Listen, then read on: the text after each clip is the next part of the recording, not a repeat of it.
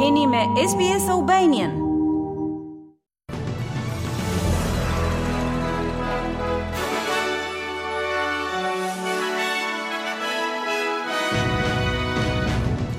Në buletinin e sotëm informativ do të ndiqni Personeli i Forcave të Mbrojtjes Australiane u vendos në qytetin Forbes të New South Wales përpara përmbytjeve të pritshme. Ish-kryeministri i Pakistanit, Imran Khan, flet nga spitali pas tentativës për jetën e tij. Dhe në sport, Josh Addo-Carr ka udhëhequr ekipin australian drejt një titulli të tretë radhazi për Kupën e Botës në Rugby League. Dhe vazhdojmë gjerësisht me lajmet. Qielli i kaltër është kthyer në pjesën më të madhe të New South Wales-it këtë fundjavë, pas ditëve me shi dhe përmbytjeve. Por, siç ka shpjeguar Ministrja e Shërbimeve të Emergjencave të New South Wales, Steph Cooke, kjo nuk do të thotë se rreziku ka kaluar. Whilst the weather conditions are easing for a short period of time right across New South Wales, the flood risk has not. Ndërsa kushtet e motit po lehtësohen për një periudhë të shkurtër kohore në të gjithë New South Wales-in, rreziku nga përmbytjet ende është prezent. Pra, edhe nëse jetoni në një zonë ku nuk është përmbytur, zonat e përmbytura përreth mund t'ju izolojnë ngaqë nivelet e larta të ujërave kanë prerë rrugët në të gjithë New South Wales-in e Jugut për momentin. thotë ajo. Ndihmës komisionerja e shërbimeve shtetërore të emergjencave, Nicole Hogan, thotë se fenomeni njihet si përmbytje në qiell të kaltër, sepse uji vazhdon të lëvizë në drejtim të rrymës nëpër ujëmbledhësa të ndryshëm edhe në mungesë të stuhive. Forbes është qyteti ku personeli i urgjencës është i fokusuar për momentin. Personeli i Forcave të Mbrojtjes Australiane është vendosur në Forbes, por kryeministri Dominic Perrottet thotë se rreth 200 ndihmësa të tjerë do të vihen në dispozicion të komuniteteve përreth shtetit të New South Wales që mbeten në rrezik nga përmbytjet. Megjithëse pjesa më e madhe e fokusit është në New South Wales, Queenslandi dhe Victoria, gjithashtu kanë patur dëmtime nga reshjet intensive. Queensland theu rekordet për nivelin më të lartë të reshjeve në muajin tetor, që ishte tetori i tetë me më shumë shira në rekord. Ndërsa në Victoria, më shumë se 50 paralajmërime për rrezikun e përmbytjeve janë aktive, me mbi 460 rrugë të mbyllura. Paralajmërimet e mëdha janë vendosur në Echuca, Lower Moira, Barmah dhe lumi Murray në rrjedhën e poshtë të Tocumwal deri në Barham. Parashikuesi i Byrosë së Meteorologjisë, Dean Narramore, thotë se i gjithë bregu lindor është prekur deri në një farë mase. From southern Queensland all the way down into Victoria, we can see minor, moderate and major flooding occurring. Nga Queensland jugor deri në Victoria, ka një sërë përmbytjesh të vogla, mesatare dhe të mëdha. Më shqetësuese janë zonat rreth shumë lumeve në brendësi të New South Wales, veçanërisht Murrumbidgee, Lachlan dhe gjithashtu për komunitetet më në veri në Namoi dhe pjesët e sipërme të lumit Darling. Qeveria federale ka emëruar nëpunësen publike Kristin Tilley si ambasadoren e re të Australisë për ndryshimet klimatike në samitin e klimës COP27 në Egjipt. Ministri e Ndryshimeve Klimatike Chris Bowen thotë se ky emërim është përmbushja e një premtimi të bërë nga laburistët gjatë fushatës së tyre zgjedhore të majit, për të rivendosur këtë rol që ishte hequr nga qeveria e mëparshme e koalicionit. Ai thotë se është pjesë e përpjekjeve të Australisë për t'i treguar botës se po e marrim seriozisht ndryshimin e klimës. This is an opportunity of course for Australia to remind the world that we're back. We're back at the international table. We've already notified the UNFCCC of our new nationally determined contribution. Kjo është sigurisht një mundësi për Australinë. për t'i kujtuar botës se ne jemi kthyer në tryezën ndërkombëtare. Ne kemi njoftuar tashmë Konventën e Kombeve të Bashkuara për Ndryshimet Klimatike të OKB-së për vendosmërinë tonë për të dhënë kontribut në nivel kombëtar për të reduktuar emetimet e gazit të metanit dhe sigurisht që do të ketë më shumë diskutime ndërkombëtare në Sharm el Sheikh ku po zhvillohet samiti i klimës.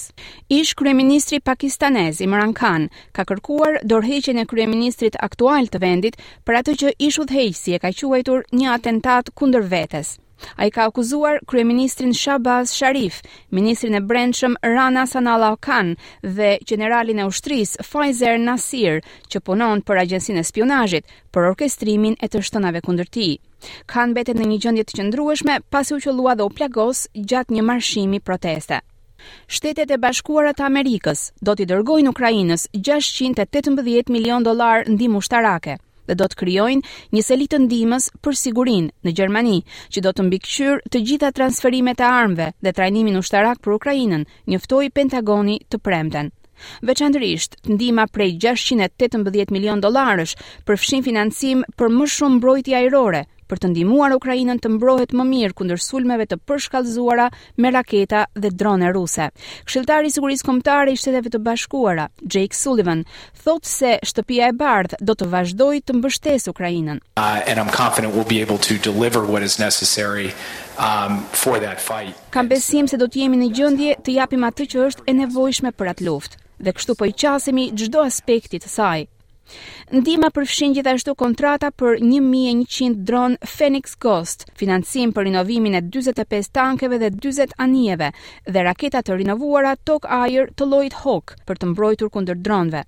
SHBA-ja ka dhënë më shumë se njëzet e tetë miliardë dollarë në armë dhe pajisje të tjera për Ukrainën që nga fillimi i luftës më njëzet e katër shkurt.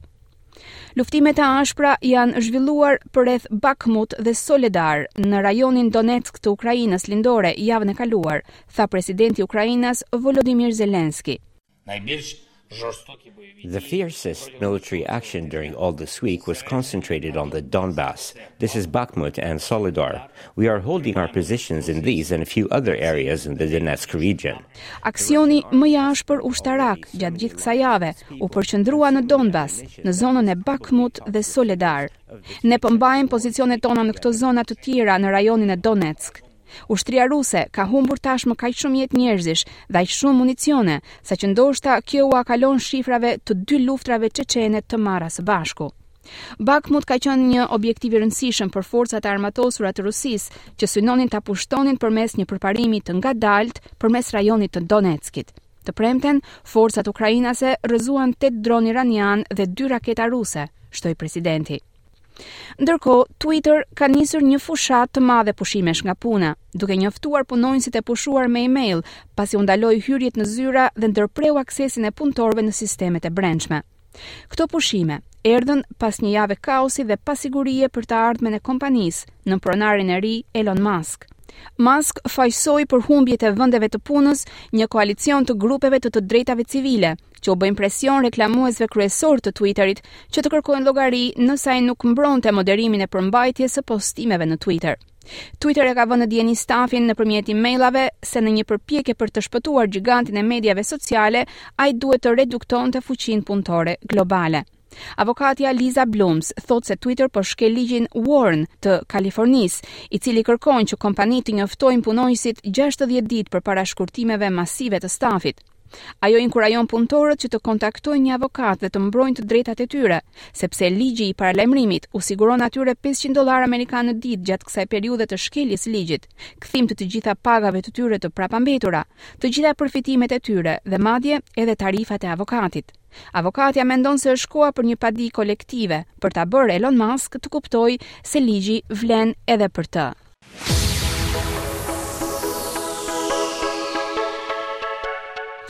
Dhe në sport, Josh Addo Carr udhëhoqi sulmin e Australisë drejt një titulli të tretë radhazi.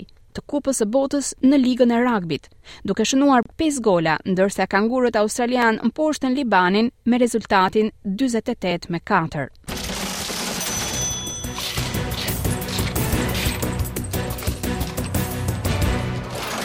Do të kalojmë tani në kursin e këmbimit të valutës australiane. Një dollar australian sot shkëmbehet me 74 lekë shqiptare, zero pikë gjashtëdhjetë e tre euro, zero pikë gjashtëdhjetë e katër dollarë amerikanë dhe me dyzet pikë gjashtëdhjetë e nëntë denarë të Maqedonisë së Veriut.